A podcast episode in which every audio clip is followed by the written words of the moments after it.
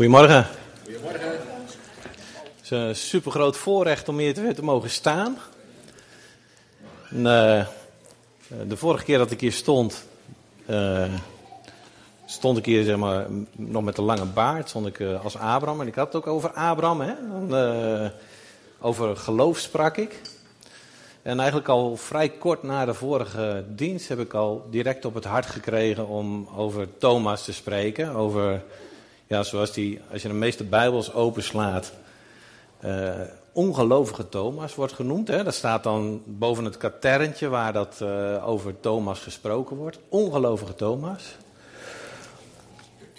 Nou, ongeloof, twijfel. We kennen het allemaal wel, denk ik. Dan, ik denk dat er uh, geen gelovige hier in de zaal zit die niet af en toe twijfelt aan zijn geloof of, of twijfelt aan datgene waar hij uh, Godvolgende mee bezig is.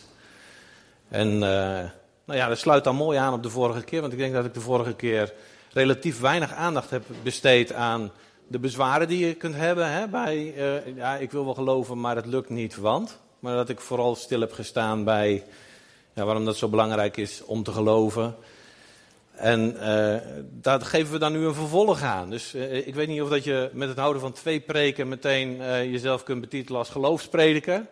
Maar laten we er maar gewoon mee van start gaan. Dan is de kop eraf en, en daar heb ik eigenlijk ook een beetje tegen opgezien. Want in de voorbereiding heb ik heel veel gelezen, heel veel gebeden, heel veel eigenlijk Gods aangezicht gezocht om te kijken van wat is nou de weg die u wil gaan, wat is de boodschap die u wil brengen. En dan krijg ik op een gegeven moment krijg ik allerlei ideeën over van nou volgens mij moeten we daar naartoe. En dan langs die en die stappen, dan komen we uiteindelijk op dat en dat punt. En dan heb ik het bedacht, en ik denk ook biddend bedacht, samen met God ernaar gezocht. En dan in één keer lijkt het weer of dat het allemaal uit mijn vingers begint te glippen.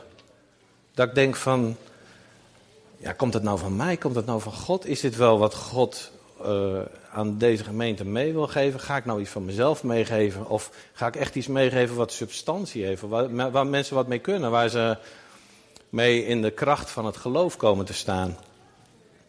Nou, dan pak ik de boel weer op, dan ga ik in gebed, dan, dan stort ik op mijn knieën en dan zeg ik, Heer, ik, ik weet het echt niet. Ik, ik twijfel zo en uh, wilt u het doen? Weer zoeken, weer kneden, weer boetseren, weer werken en, en, en smachten naar ja, die leiding die je zo, die je zo zoekt. En eigenlijk geeft dat meteen al uh, een inkijkje in een manier waarop dat je kunt twijfelen aan je geloof. Of misschien niet direct twijfelen aan je geloof. Er zijn in ons leven, in ons gezin, zijn er best wel omstandigheden geweest dat je bij jezelf denkt van waarom verandert dat nou niet? Waarom keert dit nou niet ten goede? We bidden ervoor, we doen ons uiterste best om zo dicht mogelijk achter de Heer Jezus aan te lopen. Waarom verandert dat niet? Mij heeft dat nooit mijn geloof geroofd. Dus als je hier zit uh, met, met, met dat, uh, die zwaarte op je hart, laat ik het zo zeggen. Dan zeg van ja, ik heb wat meegemaakt in mijn leven.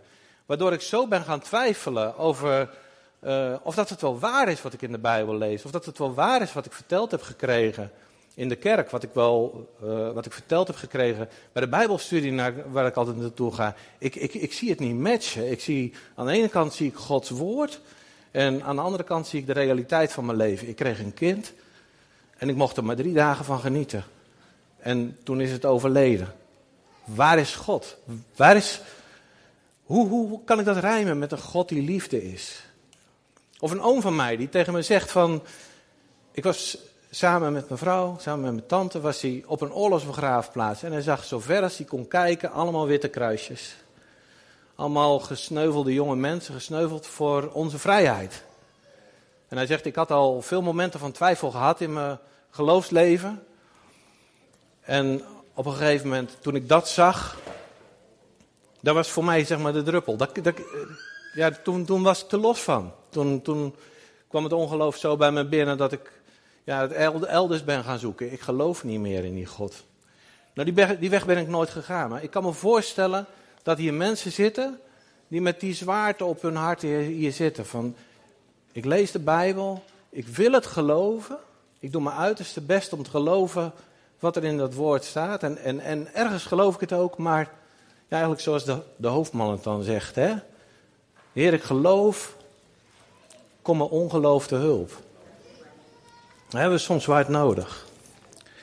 Ik denk dat we allemaal wel eens twijfelen. En uh, eigenlijk de twijfel die ik zojuist beschrijf, hè, de twijfel in de voorbereiding van zo'n preek, zoals ik die ervaar, dat is eigenlijk van een andere orde dan de twijfel die ik daarna benoemde. Hè? Van als je echt een hele heftige ervaring in je leven hebt gehad, dat je echt gaat twijfelen aan God, dat je echt, gaat, uh, echt ongeloof in je leven krijgt.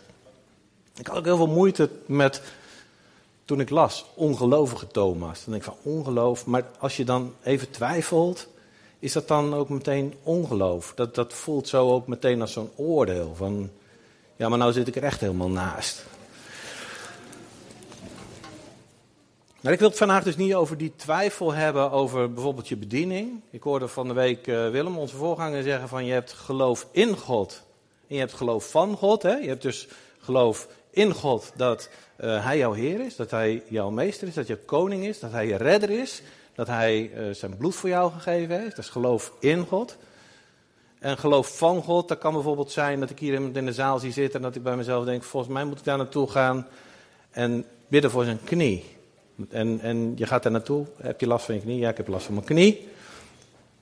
En je bidt daarvoor, dan heb je geloof gekregen van God voor een bepaald doel. In mijn worsteling heb ik uiteindelijk ook geloof gekregen voor het doel dat ik hier mag staan en dat ik vandaag ook wat uit te delen heb. Hoe, hoe, gaaf is dat? Halleluja. De Heer is zo groot, de Heer is zo goed en, en zo liefdevol. Maar ik moest daar wel voor, door het stof, ik moest daar wel voor op mijn knieën. En dan leg ik vrijdagmiddag ik alles zeg maar op papier. En daar ben ik eigenlijk helemaal niet zo goed in. En dan leg ik het neer. En dan zeg ik, heer, ik, ik heb het allemaal op papier staan. Ik weet het niet meer. Wilt u het doen? Wilt u het in mij bewerken? En dan werd ik de volgende ochtend werd wakker met een tekst die volgens mij wat verderop in de PowerPoint nog wel genoemd wordt. Ik kijk even of dat ik hem kan vinden. Nou, dat zeg ik al in die structuur en dat soort dingen, daar moet ik nog een hele hoop techniek leren. Maar, mijn telefoon heb ik bij de hand en daar staat hier in mijn uh, aantekeningenblokje. Er staat in Johannes 14, vers 25, 26. Met deze tekst werd ik dus wakker. Ik kom uit bed, ik kijk op mijn telefoon, ik sla mijn Bijbeltje open en ik lees. Deze dingen heb ik tot u gesproken terwijl ik bij u blijf terwijl ik bij u verblijf. Maar de troost, de trooster, de Heilige Geest, die de Vader zenden zal in mijn naam, die zal u alles, die zal u in alles onderwijzen en u in herinnering brengen alles wat ik te zeggen heb. Dus de Heer die nam in één strook, veegde hij zo al mijn twijfel van tafel. Die zegt van, joh, je hebt je goed voorbereid, je hebt de Bijbel gelezen, je hebt, uh, in gebed heb je mij gezocht. En mijn Heilige Geest zal je vullen met de woorden die nodig zijn om de gemeente toe te rusten. Dus mijn twijfel is aan de kant. Maar wat is nou wat, wat die twijfel veroorzaakt? Hè? Ik heb net al uh, genoemd dat je een heftige levenservaring hebt, maar het kan ook best zo zijn dat je op een gegeven moment dat je de verkeerde bronnen raadpleegt. Hè? Ik had een, vroeger een collega die kwam tot geloof, die liet zich dopen. En die ging Discovery Channel en National Geographic kijken. Allerlei documentaires over het leven van Jezus. En Jezus die zou getrouwd zijn en uh, met uh, zijn vrouw naar Frankrijk zijn vertrokken enzovoort enzovoort. Dus dan, dan ga je uit de verkeerde bron ga je tappen. Dan ga je National Geographic buiten bijbelse bronnen laten invliegen. En jou vervolgens in verwarring laten brengen. En dat, dat denk ik dat ons allemaal kan overkomen. Onze wereld die, uh, die is natuurlijk druk bezig met ons allerlei dingen in te fluisteren. Evolutieleer. Eigenlijk wordt er constant aan de stoelpoten van het, uh, het Bijbelse woord wordt er gezaagd. We hebben niet meer, en God zei, uh, er was een man en er was een vrouw en die zag dat het zeer goed was. Maar in één keer zijn er allerlei seksen, allerlei, ja, ik weet niet eens hoe ik het moet noemen. Maar de, de verwarring die gesticht wordt, die kan op een gegeven moment ook zo groot worden dat je een LHGBTI-vlag voor je kerk neerzet. Dat wil ik verder niet al te veel op uitweiden op zulke dingen. Maar als je Gods waarheid wil weten, dan ga je achter God aan. Dan ga je Gods woord ga je zoeken. Nou is het zo, het lijkt naar Thomas gaan. Thomas die kreeg op een gegeven moment de uitnodiging van het woord zelf. De Heer Jezus, het vlees geworden woord dat op aarde kwam. Uh, hij is niet bestolen van zijn troon. Uh, maar zoals we in Filippenzen lezen, hij is neergedaald van zijn troon. Hij heeft zijn koningschap zelf afgelegd om op deze aarde aan ons te laten zien hoe dat je de wet vervult.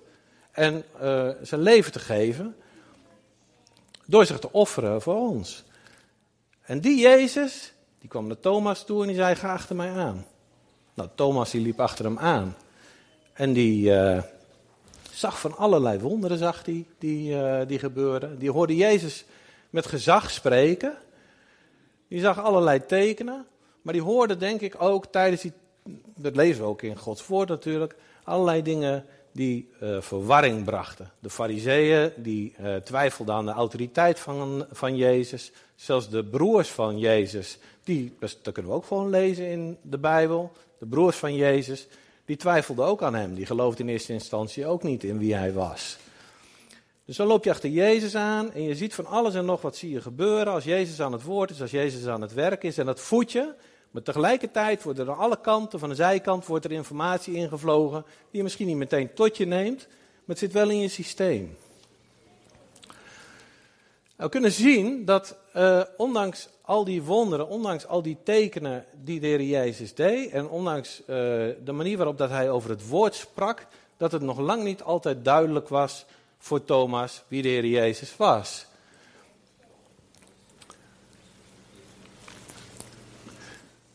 Er is een sheet met uh, getuigenis van Maria is, er, uh, is erbij. Dat, uh, Maria die ziet na de opstanding ziet ze de Heer Jezus en die zegt dan dat hij de Heer, dat hij de Messias is, dat hij, dat hij de koning is waarop dat ze hebben zitten wachten.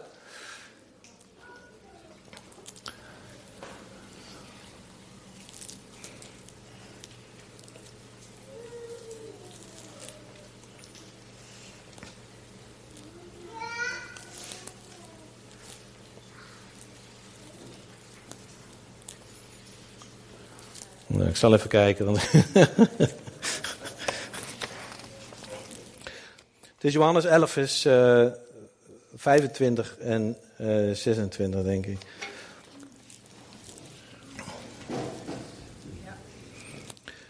Jezus zei tegen haar: Ik ben de opstanding en het leven. Wie in mij gelooft, zal leven, ook al was hij gestorven. En ieder die leeft en in mij gelooft, zal niet sterven in eeuwigheid. Gelooft u dat? Zij zei tegen hem: Ja, heren, ik geloof dat u de Christus bent, de zoon van God, die in de wereld komen zou.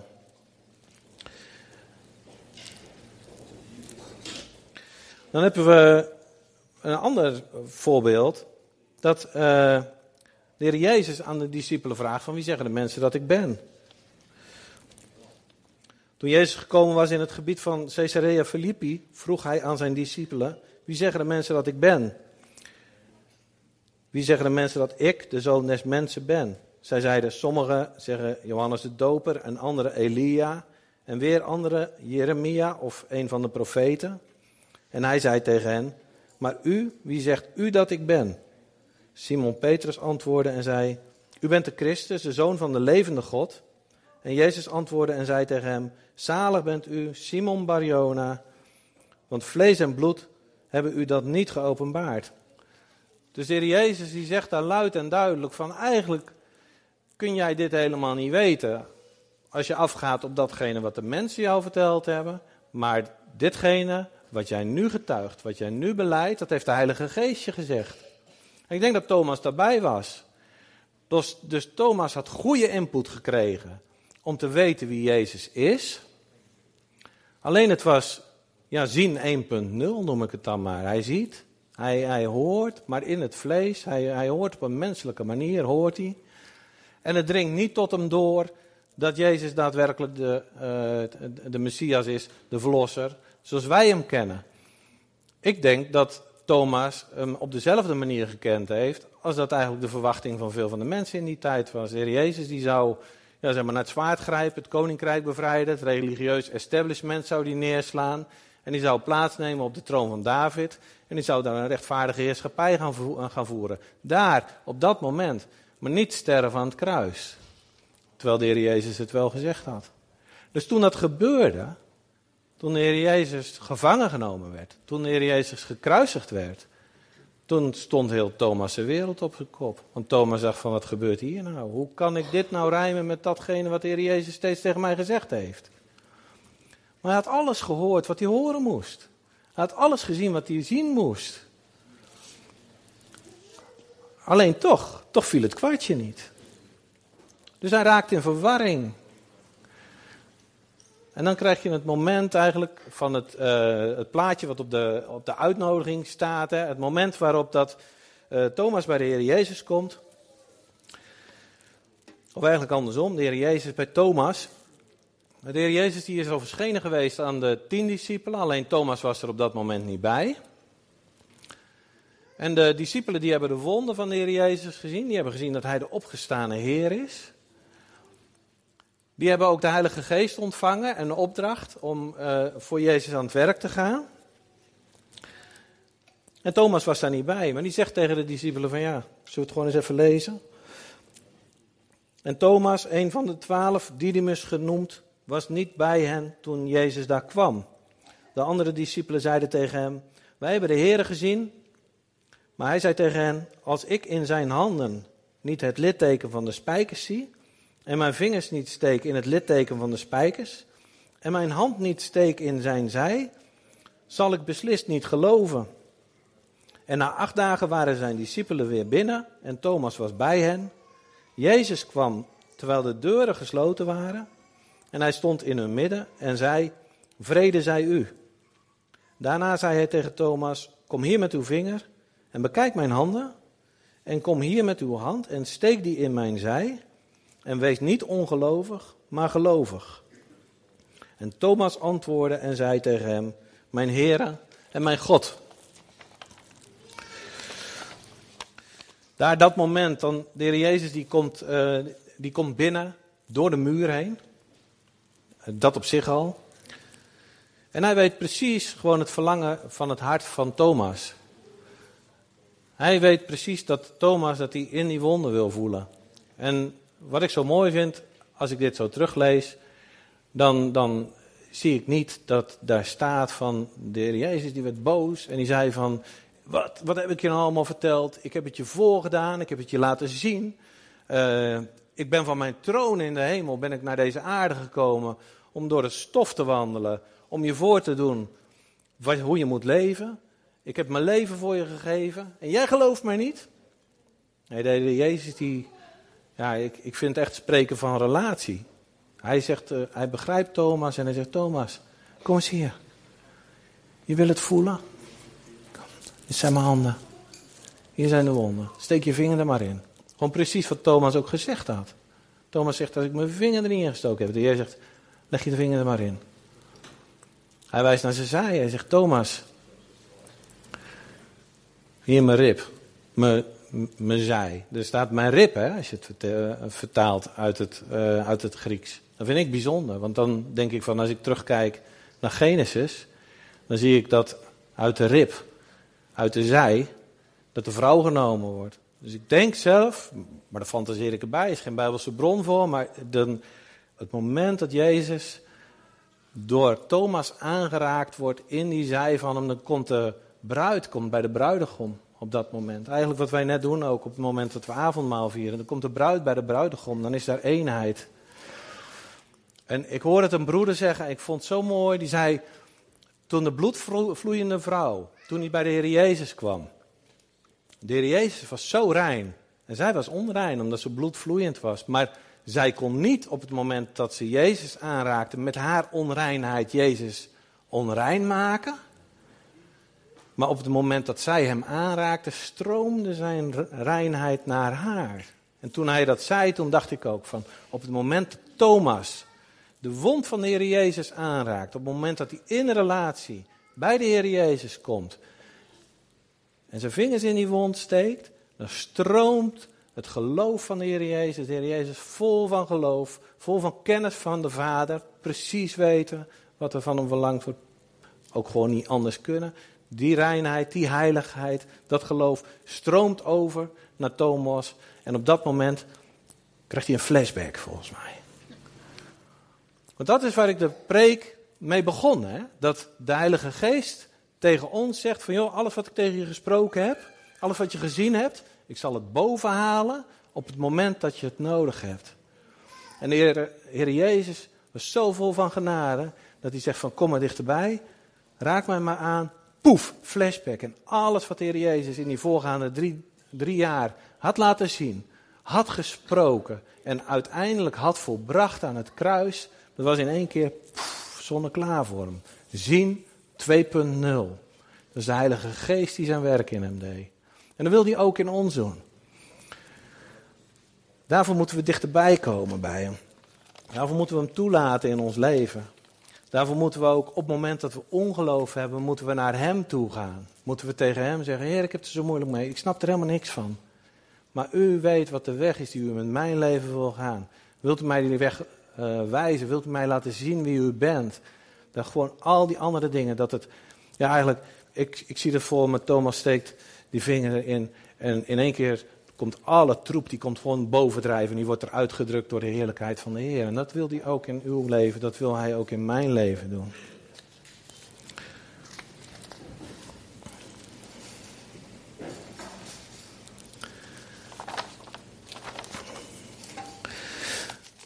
Ik wil even een zijstap maken naar een, uh, naar een verhaal van een vriend van mij. Het is eigenlijk een beetje een sterk verhaal, maar dat maakt het tegelijkertijd ook interessant. Of wil er iemand ook een saai verhaal horen? Dat heb ik misschien ook nog wel. Dan doe ik de saaie verhaal naar de dienst even. Ik moest in de context van de, van de preek moest ik aan Willem denken, een jeugdvriend van me. Als je hem opbelt, dan zegt hij, ja Willem zelf. Dus dan heeft Willem zelf de telefoon opgenomen. En uh, toen ik Willem zelf leerde kennen, toen vertelde hij me een sterk verhaal. En dat, ja, dat was toen ik 15 was. Ik ben ondertussen 51. Dus ik heb hem van de week even gebeld. Ik zeg, 36 jaar geleden dat je me dat verhaal verteld hebt. En ongetwijfeld daarna ook nog wel een keer. En het wordt ook steeds sterker volgens mij. Het wordt alleen mooier verteld, omdat je het vaker hebt gedaan. Het verhaal is dat Willem, toen hij 14 was, op de verjaardag van zijn moeder, 15 september, weet ik toevallig, want zijn moeder is gelijk met mij jarig. Op de verjaardag van zijn moeder, allemaal neefjes en nichtjes, zondagse kleren aan, feest, gezellig, iedereen op zijn paasbest erbij. Zijn broer is 16, hij is 14. Zijn broer heeft een brommertje en Willem zelf, die zou wel even laten zien dat hij ook kon brommer rijden. Dus die reed achter op een pleintje bij een garage, reed hij rond met die brommer. Nou, de eerste keer ging goed. tweede keer net wat harder, schuin, schuivend door de bocht heen. Nou, ging ook nog goed. Nog een rondje, nog harder. Bam! Grote klap. Vet bloedend been. Hele dikke wond. Naar het ziekenhuis toe. Verjaardag verpest. Nou ja, naar het ziekenhuis toe. De boel opgelapt, dichtgemaakt. En uh, dan begint het herstel. Maar dat herstel dat ging voor geen meter. Dat, dat, dat duurde maar en dat duurde maar. Toch eens naar de dokter toe. Tegen de dokter gezegd van joh, dat, dat zit niet lekker op een of andere Ja, maar goed, het is een grote klap geweest. Spier beschadigd. Heeft gewoon tijd nodig. Dus hij weer naar huis toe, niks aan de hand. Een half jaar later, hij is met vrienden, is hij, uh, de buitenkant is zeg maar dicht. De binnenkant voelt nog niet heel erg lekker. Hij gaat met vrienden, gaat die zaal voetballen, probeert een balletje hoog te houden. Ploep! In één keer zo'n dikke bult op zijn been. Hij denkt, nou verrek, zullen we dat hebben hè? Dus hij naar de dokter toe. Die dokter zegt, ja, spier, dingetje. Hij zegt, nee dokter, ik geloof toch niet dat het goed is. Ik, het doet zoveel pijn en het is toch raar. Hij naar het ziekenhuis toe. Scan gemaakt. Blijkt er gewoon dat hij, toen hij dat rondje maakte, de laatste rondje, het fatale rondje, zeg maar, tegen een deurklink van een garage aan is ge... Nou heb je twee soorten garageklinken. Hè? Eentje is zeg maar zo'n T-hendel. En eentje is echt zo... Had gewoon 10 centimeter deurklink had hij in zijn been zitten. Dus daar hebben ze eruit gehaald. En dus toen ik eigenlijk net mijn vriendschap met Willem begon te ontwikkelen. Ik was op zijn uh, kamer en hij trok een laadje open en hij deed zijn korte broek omhoog en zei, kijk. Hè? Dus die deurkling die ligt nog wel ergens bij hem. Ik heb er geen foto van. Hij kon hem niet vinden zo snel. Maar lang verhaal kort. Het kan gebeuren dat u in uw leven ergens een keer een heftige situatie mee heeft gemaakt. Waardoor dat er iets achtergebleven is in uw leven. Wat uw functioneren belemmert. En dat kan er op zijn, zijn beurt weer voor zorgen dat het uw geloof hindert. En ik denk dat het belangrijk is. Ik heb de, de, de, grove toezegging gedaan eigenlijk dat we eerst de hulp bij ongeloof gaan, gaan toepassen. Dan denk ik dat ik al een aantal dingen opgenoemd heb die, die heel belangrijk zijn uh, als je je ongeloof wil bestrijden. Ik dacht in eerste instantie, ik kom met zo'n grote oranje EHBO-koffer, kom ik straks aanlopen, die klap ik open en dan haal ik allemaal dingen aan, het woord van God. Heb je je goed verdiept in het woord van God? Heb je er goed over nagedacht uh, om, om, om, om zijn woorden te laten spreken in je leven in plaats van je eigen leven? Nou, uh, heeft de Heilige Geest de ruimte om te werken in je leven? Zo kan ik allemaal dingen uit die koffer pakken. Maar ik sprak gisteren een arts. En die arts die zei tegen mij, we zijn eigenlijk veel te veel aan de achterkant van het probleem zijn we aan het klooien. Dan plakken we een pleister, dan slikken we een paracetamol, dan zetten we iemand op medicatie of chemokuur. Maar aan het begin van het proces gaat het erom, wat neem je toe, wat neem je tot je, hoe leef je? En dat bepaalt je gezondheid. Dus ik moet hier niet met een oranje EHBO-koffer binnenkomen, maar met een winkelwagentje met gezonde voeding. Wat is de gezonde voeding? Nou, wat ik al zeg, hè, geloof dat de gezonde voeding is dat je je voedt met het woord van God. Ik geloof dat de gezonde voeding is dat je de Heilige Geest in je leven laat werken om je te leiden. En ook om dat woord te zijn de tijd, en dat is eigenlijk elke tijd, bij je boven te laten halen. Zodat je op het moment dat je in twijfel raakt, op het moment dat ongeloof de kop opsteekt, dat je, dat je opnieuw door de Heilige Geest op uh, attent wordt gemaakt van dat en dat. Dat vers, daar moet je nog maar eens bij stilstaan. Dat is op dit moment relevant in je leven. Maar we moeten ook met elkaar in gesprek om die dingen boven te halen. En dan zegt de Heer Jezus, die zegt eigenlijk tegen ons van jij mag in mijn wond komen, dan mag ik ook in jouw wond komen. Kijk, vaak is het zo op het moment dat je iets traumatisch meemaakt, op het moment dat er iets is wat het daglicht niet kan eh, verdragen, dan verstop je het ook maar. Dan moet dat zo snel mogelijk dicht en dan moet dat zo snel mogelijk vergeten. En dan kan het zijn dat er een littekenweefsel op zit op je ziel. Dus ook die hoort in die EHBO-trommel thuis. Dat je zegt van, ik ga met mijn broeder of zuster, met pastoraat, wie dan ook, met de Heer Jezus, ga ik in gesprek om te zoeken wat er allemaal nog achtergebleven is. Haal die deurklink uit je been.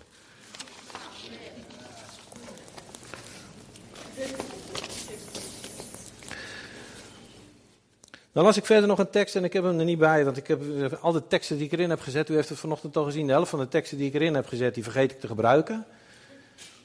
En de teksten die ik verder nog, ja, de Heilige Geest die, die, die, die doet zo zijn werk, die staan er dan weer niet in. Maar ik las van de week dat uh, zelfs de leiders van het volk, dat die geloofden dat de Heer Jezus de Christus was, maar ze beleden het niet omdat ze bang waren dat ze uit de tempel geknikkerd werden. Dus dan, als je dan uh, hebt over EHBO, dan is de eerste hulp bij ongeloof, is dat je leven begint te spreken. Dat je je getuigenis begint te geven aan mensen. Dat je laat zien aan de, aan, aan de mensen om je heen wie de Heer Jezus voor je is. Dus deel jouw getuigenis uit, deel jouw geloof uit aan de mensen om je heen. Vandaag heb jij geloof ergens voor en sta je fier en sta je sterk en mag iemand anders zich aan jou laven. En morgen is het andersom. Dan lig jij op je smoel in de. Ja, sorry dat ik het zo zeg. Dan lig jij op je smoel in de modder. En dan heb je iemand nodig die overeind trekt. Dus we hebben ons getuigenis, elkaars getuigenis nodig. Die leiders van het volk, die werden niet behouden, omdat ze niet getuigden.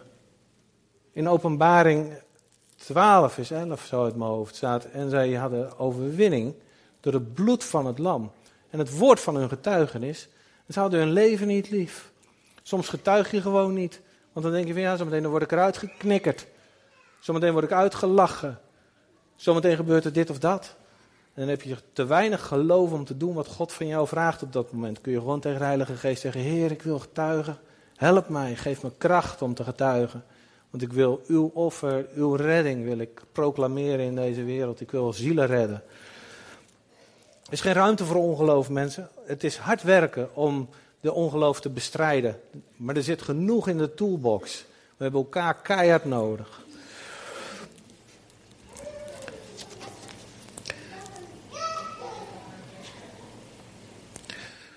Nog eentje die ik ook wel benoemen wil. Je moet niet alleen zijn woord leren, je moet je ook aan zijn woord houden. Je moet gehoorzaam zijn aan zijn woord. Je moet zijn wet houden. En in Psalm 1 lees ik, en, en dan, dan, twijfel ik best wel eens hoor als ik die lees. Dat is de twijfel waar ik het dan straks over had. Er staat wel zalig de man die niet wandelt in de raden goddeloze, die niet gaat op de weg des spotters. Maar dan de Heerenwet ze wel gevallen heeft. Oh, alles gelukt. Hè? Ik even, verder kan ik hem niet uit mijn hoofd, moet nog even verder oefenen, denk ik. Maar dat alles gelukt, dan denk ik van ja, weet niet. Maar ik doe mijn uiterste best, ik lees in Gods woord, ik probeer te getuigen van hem. Maar lang niet alles gelukt. Dus dat, soms dan spreken de omstandigheden andere woorden dan God. Dan ga ik toch maar weer terug naar zijn woord. Hij zegt het. Wat is dat dan? Wat is het dan dat als ik Psalm 1 lees, dat ik denk van, niet alles gelukt. Dan denk ik, nou blijkbaar kom ik nog te veel bij spotters. blijkbaar kou ik niet genoeg op zijn wet. Blijkbaar ben ik niet gehoorzaam genoeg. Dan moet ik nog verder op mijn knieën.